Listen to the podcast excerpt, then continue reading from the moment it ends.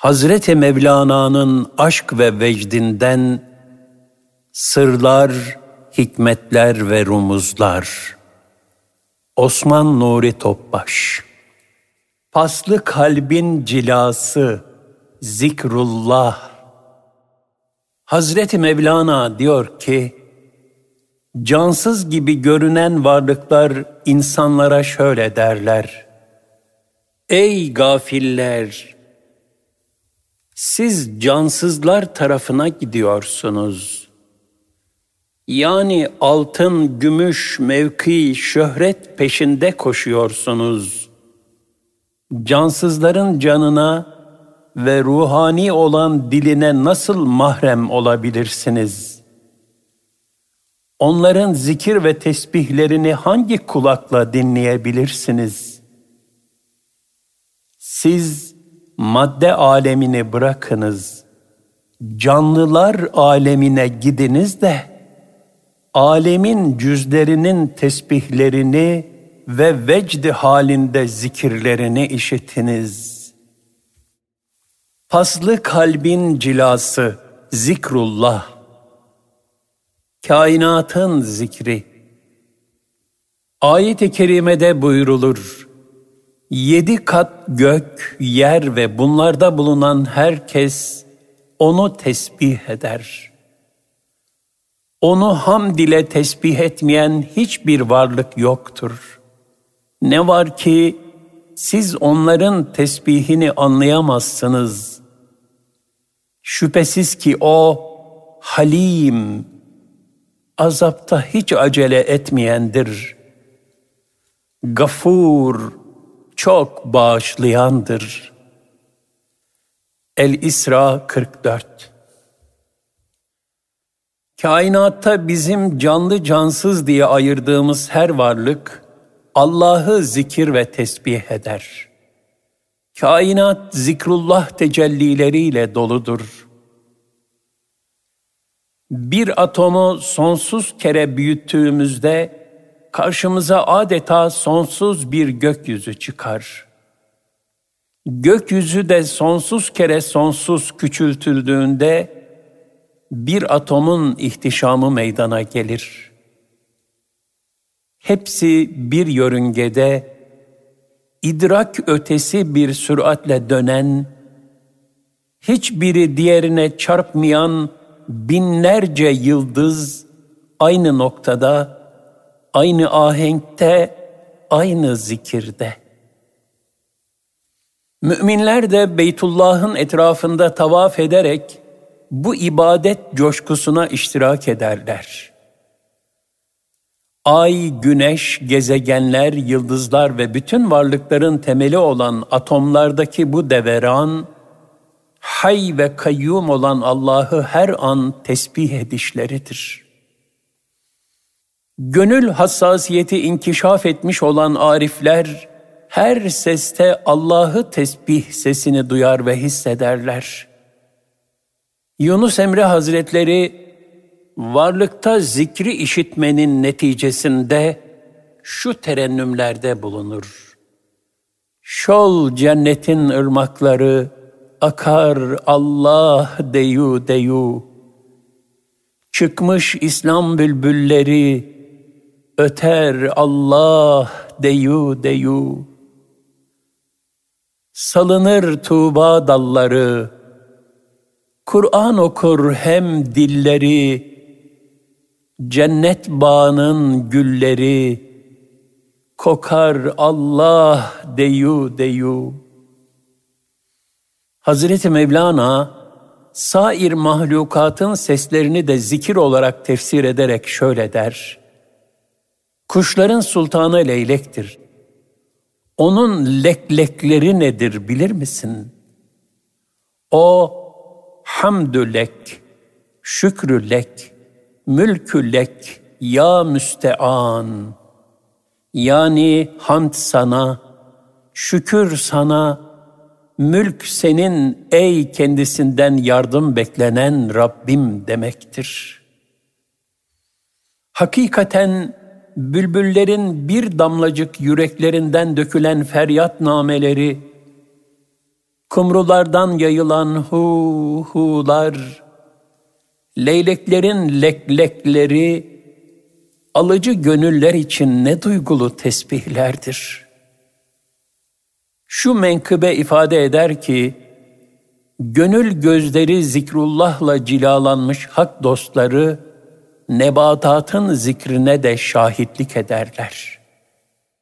Kıyamadım. Bir gün Üftade Hazretleri müritleriyle beraber bir kır sohbetine çıkmıştı. Dervişlerinden kırın en güzel yerlerini dolaşarak birer demet çiçek getirmelerini istedi. Bir müddet sonra her biri ellerinde güzel çiçeklerle geldiler. Ancak Kadı Mahmud Efendi'nin elinde sadece sapı kırılmış solgun bir çiçek vardı. Diğerlerinin ellerindekileri neşeyle hocalarına takdiminden sonra Kadı Mahmud boynunu bükerek bu kırık ve solmuş çiçeği Üftade Hazretlerine takdim etti. Üftade Hazretleri diğer müridanın meraklı bakışları arasında sordu. Evladım Mahmud, arkadaşların güzel güzel çiçekler getirdikleri halde sen niçin sapı kırık, solgun bir çiçek getirdin? Kadı Mahmud edeple boynunu büküp cevap verdi.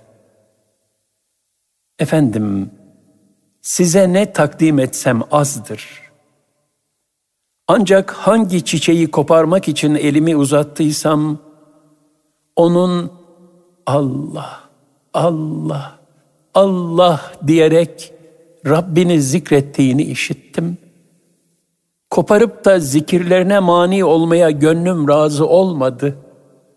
Çaresiz ben de elimdeki zikrine devam edemeyen şu çiçeği getirmek zorunda kaldım. Kadı Mahmud, Aziz Mahmud Hüdayi olma yolunda böyle tecellilere mazhar olmaktaydı. Yunus Emre'nin de sarı çiçekle konuştuğu malum ve maruftur. Yine Hazreti Mevlana neyin sesinde insan ruhunun ezeli vatanından ayrılığının figanlarını ve muhabbetullah ateşinin yanıklığını duymuş ve bunları dile getirerek mesnevisini söylemeye başlamıştır. Cansız sandığımız varlıkların zikirlerini Hazreti Davut aleyhisselamın hayatında da görmekteyiz. Ayet-i kerimede buyrulur. Doğrusu biz akşam sabah onunla beraber tesbih eden dağları, toplu halde kuşları onun emri altına vermiştik. Hepsi ona yönelmiştir. Saat 18-19 Rivayet edilir ki Allah Teala Davut aleyhisselama verdiği güzel sesi yarattıklarından hiçbirine vermemiş olduğu için Hazreti Davud'un nameleri dağlara ulaşınca dağlar bu sesi işitmenin zevkinden onun zikir ve tesbihine katılırlardı. Bu nameleri duyduğunda kuşlar da tesbih ve takdis ifade eden namelerle şakıyıp ötmeye başlarlardı. Vahşi hayvanlar da Hazreti Davud'un sesini işitip boyunlarından tutulacak kadar ona yaklaşırlardı. Hasılı tüm varlıklar istidatları ölçüsünde marifet ve hal akışını, feyezan akışını kabule elverişlidirler. Bu hal o idrake sahip gönüllere bambaşka sırlar fısıldar. Nitekim varlıktaki zikri işiten hak dostlarından Mevlana Hazretleri bir gün bir kuyumcu dükkanı önünden geçerken işittiği çekiç sesinin namelerindeki zikirden vecde gelip, huşu içinde sema ederek Allah'ı zikre dalmış, öğleden ikindiye kadar uzun bir vakit kainattaki umumi zikrin ahengine bürünmüştü. Erbabı gönül der ki, Hazreti Mevlana'nın bu hali, Hazreti Davud'un mazhar olduğu tecelliden bir ilahi nasipti. O nasiple Hazreti Mevlana, yanık bir ney gibi nice hikmet ve sırların lisanı olmuş ve bir ömür hamdım, piştim, yandım diye ifade ettiği bir mahiyette yaşamıştır. Varlıkların zikri ve onlara şahit oluş, Peygamber Efendimiz sallallahu aleyhi ve sellemi tasdik ve ona olan dasitani aşkın mucizevi bir hakikatidir. Ebu Cehil'in elindeki taşlar, Efendimiz sallallahu aleyhi ve sellemin peygamberliğini dile gelip tasdik etti. Mescitteki hurma kütüğü yerine bir minber yapılmasından dolayı Efendimiz'den ayrı düştüğü için ağladı. Bundan sonrasını Hazreti Mevlana bir hicran hali olarak müşahhaslaştırarak şöyle izah eder. Hazreti Peygamber sallallahu aleyhi ve sellem minberden indi ve mübarek elleriyle hurma kütüğünü okşayarak Ey hurma kütüğü ne istiyorsun? Bu feryadın niye? Nedir bu halin? diye derin bir anlayışla sordu. Hurma kütüğü kendi hal lisanı ile konuşmaya başladı. Sıcak göz yaşları içinde dedi ki, Ya Resulallah, senin hicranın beni yaktıkça yaktı. İçime tarifsiz bir gam, keder ve hasret doldurdu. Daha evvel hutbe vakitlerinde senin dayandığın o talihli ve mesut direk bendim. Şimdi ise beni terk ettin, bir minbere yükseldin. Şimdi senin mesnedin o minberdir. Fakat ey Allah'ın Resulü, lütfen ve merhameten bana hak ver. Dünyada hangi varlık senin bu hicranına tahammül edebilir? Resulullah sallallahu aleyhi ve sellem hurmanın bu deruni muhabbet feryadı karşısında onu teselli sadedinde şöyle buyurdu. Ey hurma kütüğü! Madem ki feryadın böyle bir ayrılık acısındandır, dile benden ne dilersen. İster misin Allah'a yalvarayım da seni doğunun ve batının bütün insanlarına meyve yetiştiren yem yeşil dipdiri bir ağaç yapsın. Yahut seni bir cennet fidanı, cennette bir servi fidanı yapsın ki, sonsuzluğa kadar en güzel, en taze vücutlar gibi genç ve dilber kalasın. Bu iltifata mazhar olan hurma kütüğü, Resulullah sallallahu aleyhi ve sellem'den yakıcı ve kavurucu aşkının bir tezahürü olarak şu talepte bulundu. Ya Resulallah, ikisini de istemem. Tek arzum sende fani olmak. Bunun için de beni gömüp yok etmen, beni bu fani vücudumdan kurtarmandır. Çünkü bir ağaç ne kadar taze ve güzel olursa olsun, gıdasını güneşten ve sudan alır. Halbuki benim hayatım senin nuraniyetinin nuruyla beslendi. Sana destek olmanın, senin hararetinle ısınmanın, sende yanıp kavrulmanın lezzetini tattı. Ben artık bu hoş ve tatlı hazdan ayrılamam. Daima baki olanı isterim. Beni öylesine göm ve yok et ki, sende, senin biricik nurun içinde dirilip ebedi olayım.'' Allah Resulü sallallahu aleyhi ve sellem o hurma kütüğünü toprağa gömdürdü. Ta ki kıyamet gününde insan gibi dirilsin.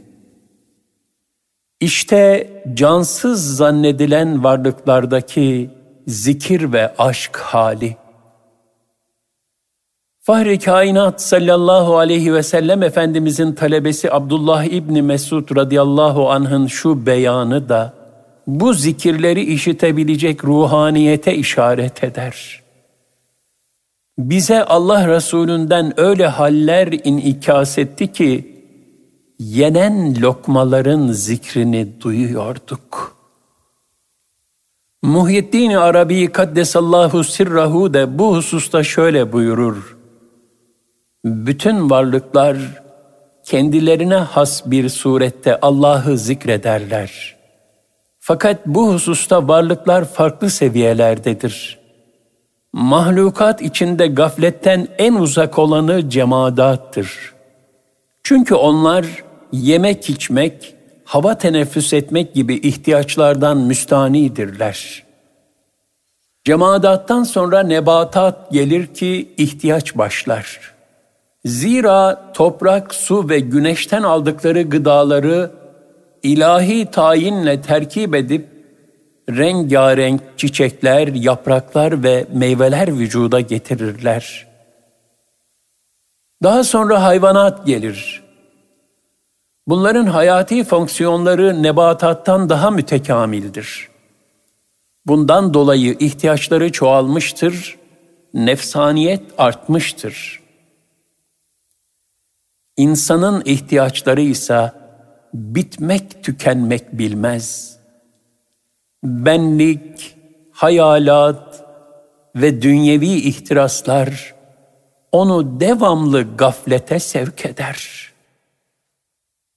kainatta her şeyin Cenabı Hakk'ı zikrettiğinin şuur ve idraki, günümüzde her şeyi maddeden ibaret görerek, maneviyatı inkar eden materyalist felsefeye de muazzam bir cevaptır.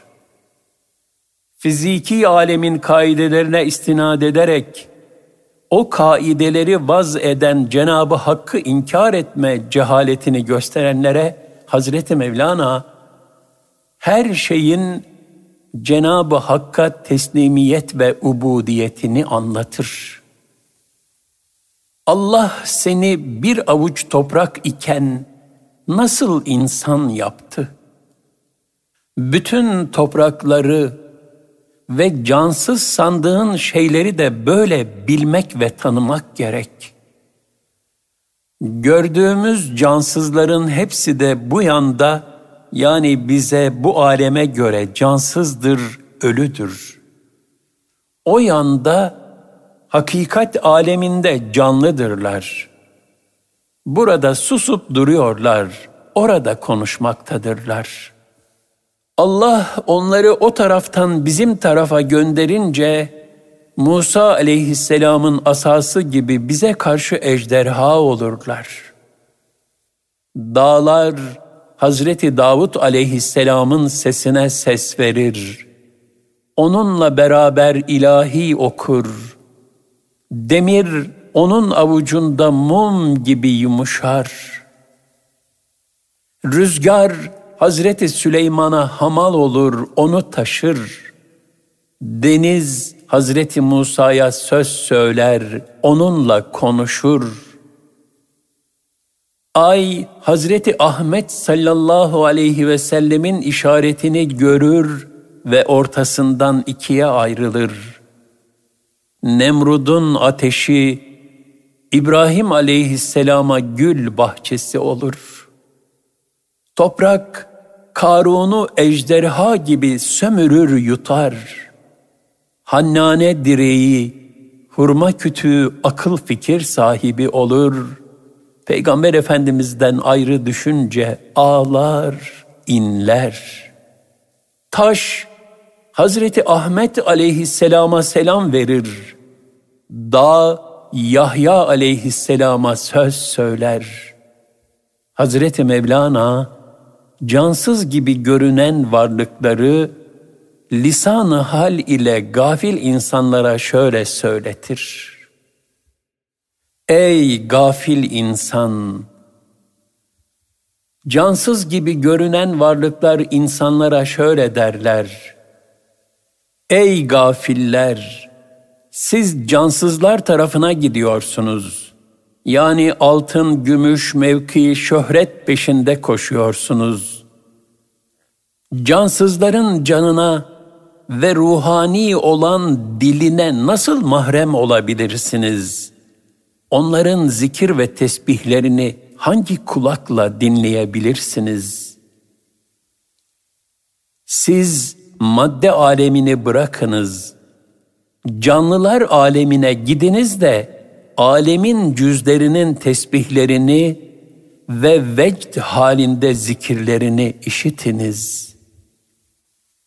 Hakikaten dağlar ve taşlar dahi Allah'ı zikrederken Cenab-ı Hakk'ın ruh verdiği, şekilsizlikten en güzel şekle getirdiği, ahseni takvim üzere yarattığı insanın Allah'tan gafil olması ne hazin bir ziyandır. Eşya dahi Allah'a koşarken insanın eşya peşinde koşması ne büyük bir israftır. Ayet-i kerimede buyrulur. Ya eyyuhel insanu ma garrake bi rabbikel kerim. الذي خلقك فسواك فعدلك في اي صوره ما شاء ركبك Ey insan! Seni yaratıp, seni düzgün ve dengeli kılan, seni istediği bir şekilde, şekilsizlikten çıkarıp en güzel surette birleştiren, ihsanı bol Rabbine karşı seni aldatan nedir? El-İnfitar 6-8 Hazreti Mevlana, insanın bu gafletini gidermenin yolunu da ifade eder. İnsanın türabi tarafı da cansız görünen maddeler gibidir. Onu maddenin ataletinden kurtarmak için zikrullah gerekir.'' Hazreti Mevlana buyurur, Ey insan! Topraktan yaratılmış olduğun için senin varlığın da demir gibi kapkara, paslı bir bedenden ibaret. Onun için kendini Allah'ın zikrinin nuru ile cilalandır, cilalandır, cilalandır.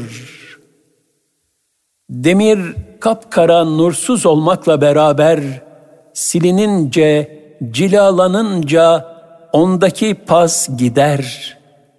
Bir ayna demirden de olsa, cilalanınca yüzü parlar, güzelleşir. Orada şekiller, suretler görülür. Topraktan yaratılmış olan beden de etten ve kemikten ibarettir.'' Kabadır, kesiftir. Ama sen onu da Allah'ı zikrederek cilala. O da demir gibi cila kabul eder. Hazreti Mevlana'nın bu ifadeleri şu rivayetin şerhi sadedindedir. Bir gün Resulullah sallallahu aleyhi ve sellem Efendimiz kalpler demirin paslandığı gibi paslanır buyurdu. Bunun üzerine onun cilası nedir ey Allah'ın Resulü diye sorulunca şu cevabı verdi. Allah'ın kitabını çokça tilavet etmek ve Allah'ı çok çok zikretmektir. Hazreti Mevlana'nın şu hikmetli sözleri de bu cilalayışı izah eder zikrullah güneşi. Eğer fikrinde bir durgunluk varsa, iyi düşünemiyorsan, Allah'ı zikrederek fikrini uyandır, harekete geçir. Çünkü zikir, düşünceyi harekete getirir. Sen zikri şu uyuşmuş fikre güneş yap da onu canlandır.'' Temiz bir vicdanla yaşamanın, imanla ölüp ebedi huzur ve safaya kavuşmanın yolu, Rabbi unutmamaktır. Zira Rabbini unutanın ömrü bir gaflet girdabında ziyan olur gider. O gafletten ancak ölümle uyanılır. Lakin o vakit her şey bitmiş ve büyük bir hüsranın içine düşülmüş olur. Ayet-i kerimede buyrulur. Allah'ı unutan ve bu yüzden Allah'ın da onlara kendilerini unutturduğu kimseler gibi olmayın. Onlar yoldan çıkan kimselerdir. El-Haşr 19 Bir sahabi, Ya Resulallah, İslami hükümler çoğaldı. Bana Allah'ın rızasını ve ahiret saadetini kolayca kazanacağım bir şey öğret ki yapayım demişti. Fahri kainat sallallahu aleyhi ve sellem Efendimiz ona şu telkinde bulundu. Dilin zikrullah tesbihiyle daima ıslak olsun.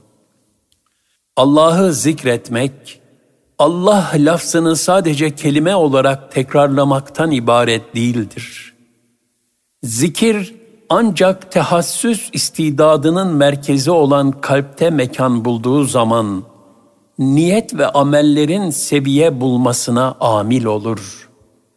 İşte bu keyfiyette bir zikir kulun bezmi eleste evet sen bizim Rabbimizsin şeklinde Cenabı Hak'la yapmış olduğu ahdine vefa göstermesi ve o sadakatle Rabbini asla unutmamasıdır.